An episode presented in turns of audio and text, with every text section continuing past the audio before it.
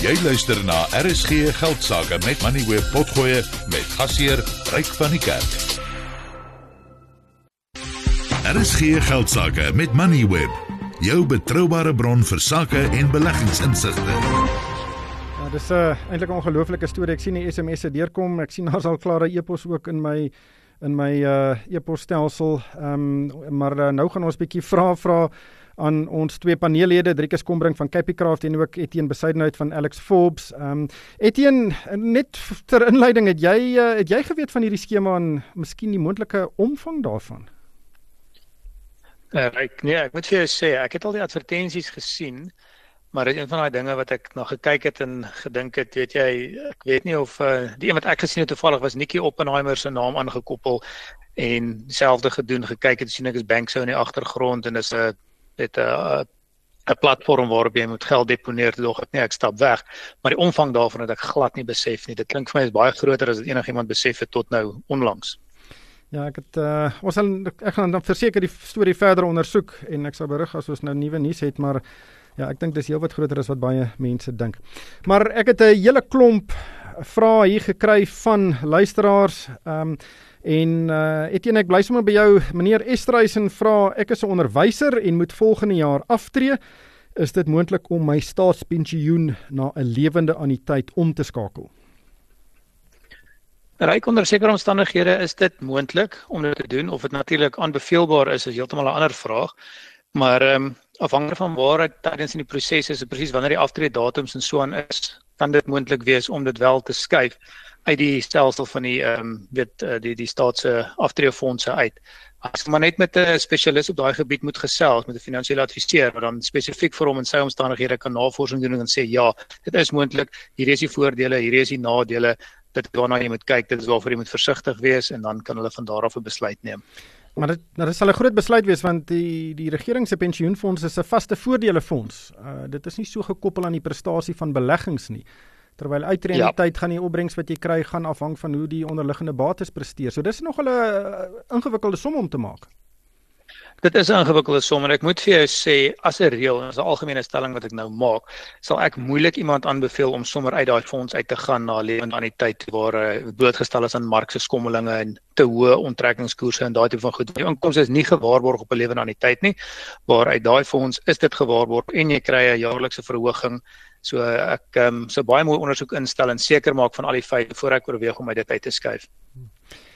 Dan Driekus, hier is 'n vraag van 'n trotse pa en die trotse pa vra of hy sê my seun is 14 jaar oud en hy wil graag aandele koop. En nou sê moet ek hom aanraai om in uitsoek aandele soos Richmond en Naspers te belê of dalk meer riskante maatskappye soos Renergen en die Purple Group. Ja, eh, ek dink 'n ou moet 'n kombinasie van goed probeer ryk en uh ek dink ehm um, ou moet bereid wees om foute te maak. Uh, aan die begin doen met klein geld, hou die skoolgeld klein. Ehm um, wees bereid om foute te maak. Ehm uh, wat jy gaan dink 'n goeie belegging is vandag, hy hy stel klaar die woordjie uitsoek aandele. Ehm um, ons ja, in Engels praat hulle mos van blue chips. Ehm um, blue chips bly nie altyd blue chips nie, nee. Daai uitsoek aandele word baie keer ehm um, hulle val uit uit die hemele uit en uh, dan kry jy baie seer. So wees maar versigtig daarvoor ek, ek daar's 'n paar uh, in die FSA wat nuwe hoogtepunte vandag bereik wat ek dink ehm um, groot hartseer vorentoe gaan veroorsaak. Ehm um, maar soos ek sê, hou dit klein. Posisie groot is ehm um, jy moet nooit te groot in een ding gaan nie en sê jy weet wat jy weet wat jy weet en die res van die mark weet dit nie jy moet die binnebane hê as jy as jy groot posisie vat. Jy moet iets weet wat jy volgende nou nie weet nie. Andersins hou dit klein en nou die hou die hou die skoolgeld min. Dan Etienne uh is die Ferreira uh vra in dit hou verband met vaste inkomste. Sy vra hoekom word dividende anders as rente belas? Uh sy sê albei is dan 'n inkomste maar uh, die nabelaste verskil van hierdie twee bronne is nogal of verskil nogal baie van mekaar. So hoekom word dividende anders as rente belas? Ja, ek reik ek dink by einde van die dag is dit maar net 'n geval van dividendebelasting word voor die tyd deur die maatskappy afgetrek en oorbetaal aan SARS. So dit vorm nie deel van die inkomste wat die kliënt sien of die belegger sien op die einde van die dag nie waar rente weer na die tyd toegevoeg word en agteraf belas word. So ek dink dis maar 'n stelsel wat SARS in plek gesit het om seker te maak dat hulle toe dividendebelasting wat inkom het, dat hulle vooraf hulle hulle belasting kan kry en nie na die tyd dit by die uiteindelike belegger moet probeer kollekteer en sukkel en weet langer vat om die geld te kry nie. Ek dink maar net met daai stel op daai konsep gebaseer en die feit dat dit 'n vaste rente of 'n vaste belastingkoers is, help ook natuurlik want ehm um, rente natuurlik word dit bygedra tot jy bygevoeg tot jou belasbare inkomste vir die jaar. So dit is voordelig dat dit namens jou betaal word en teen 'n vaste koers belas word. Joskie sê ek wil net ek wil net byvoeg dat onthou dividende kom uit inkomste wat al reeds op korporatiewe vlak belas is teen 27%. Ja, dis natuurlik. Ja, as jy daai uh 27 plus die 15 of uh, tot die 20% dan trek jy by die marginale koers. Jy trek by die ja, dis 'n goeie punt ja, wat jy daar maak. Kom jy op 41.6 uit, ja.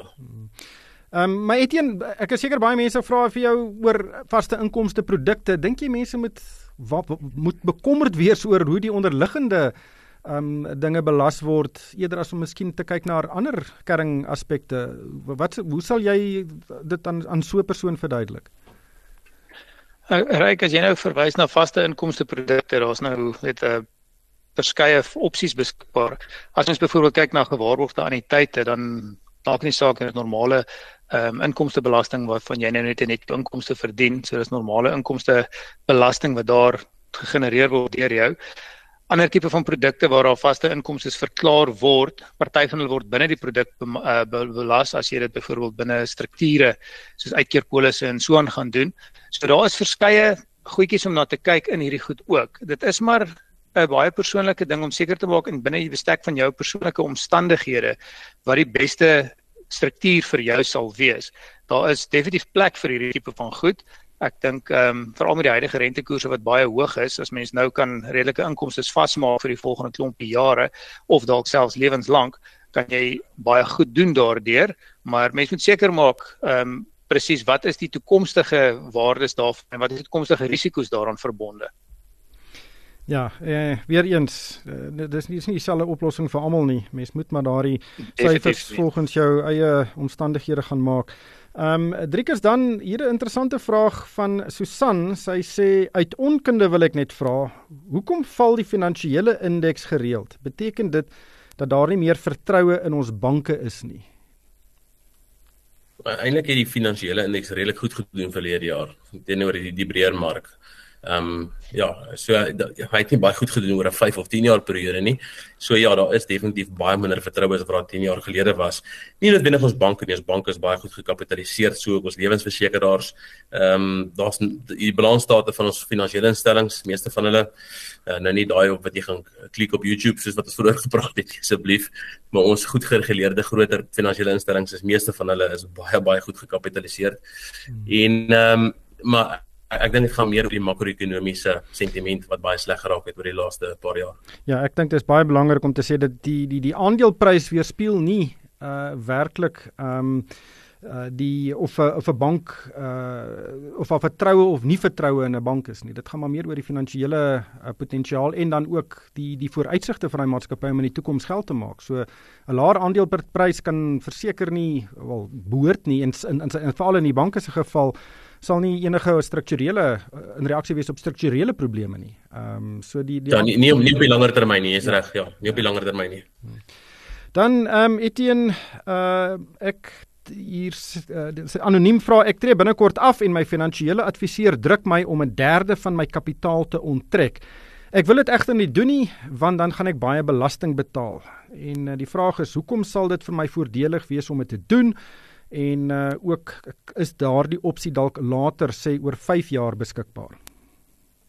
Okay, kom ons antwoord eers die laaste deel van die vraag. Die opsie by 'n aftrede by per produk waar jy aftree, het jy eenmalig die opsie om die kontantonttrekking te maak. So jy kan nie nou sê nee, ek wil als herbelê in 'n anniteitstipe van produk en dan oor 5 jaar sê nou wil ek 'n kapitaalontrekking maak. So daai opsie bestaan glad nie.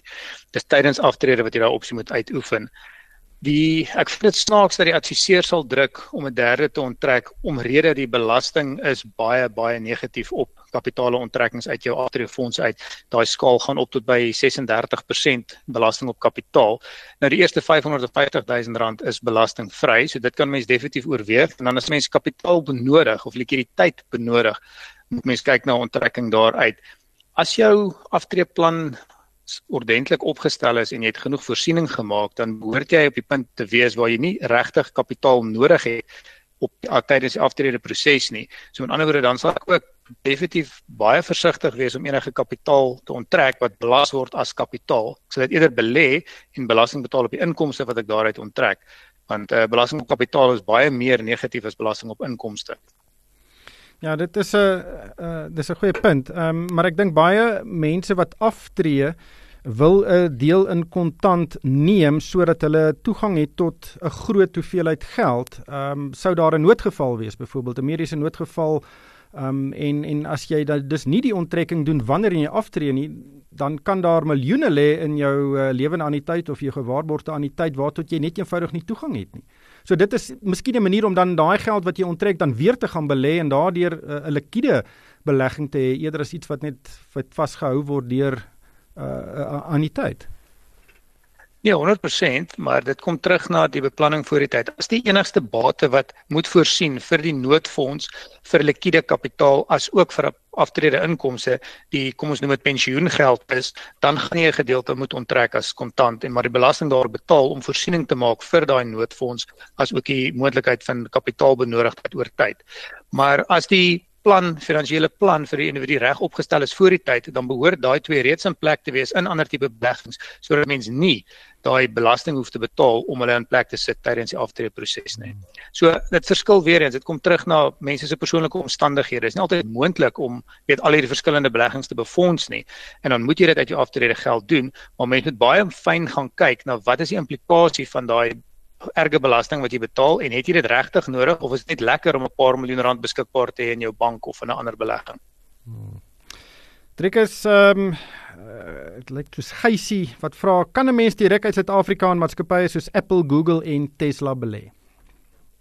Eh, daar is vir van hierdie maatskappye is daar ehm um, notas uitgereik, beursverhandelde notas uitgereik op ons beurs wat jy kan koop. Jy besit nie die regte aandeel nie, jy jy besit 'n kontrak en agter daai kontrak is 'n handelsbank se naam en daai handelsbank en jy het 'n kontrak maar hy gee vir die onderliggende blootstelling. Uh, so is nie tegnies dit nie, jy kry maar dieselfde blootstelling op die einde van die dag as jy regtig die aandeel wil koop, moet jy deur valuta beheer gaan in die buiteland gekoop, dan is daar ook 'n middeweg waar jy 'n bateruil rekening by sekere sekere aandelemakelaars kan oopmaak.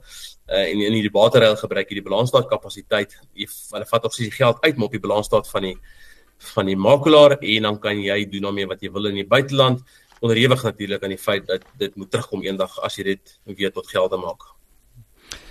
Ons sal daarmee haltroep Driekus baie dankie vir jou uh, insigte vanaand. Dit was Driekus Kombrings van Capicraft en ook Etienne Besuidenhout. Hy is van Alex Forbes. Uh, dankie vir julle deelname vanaand.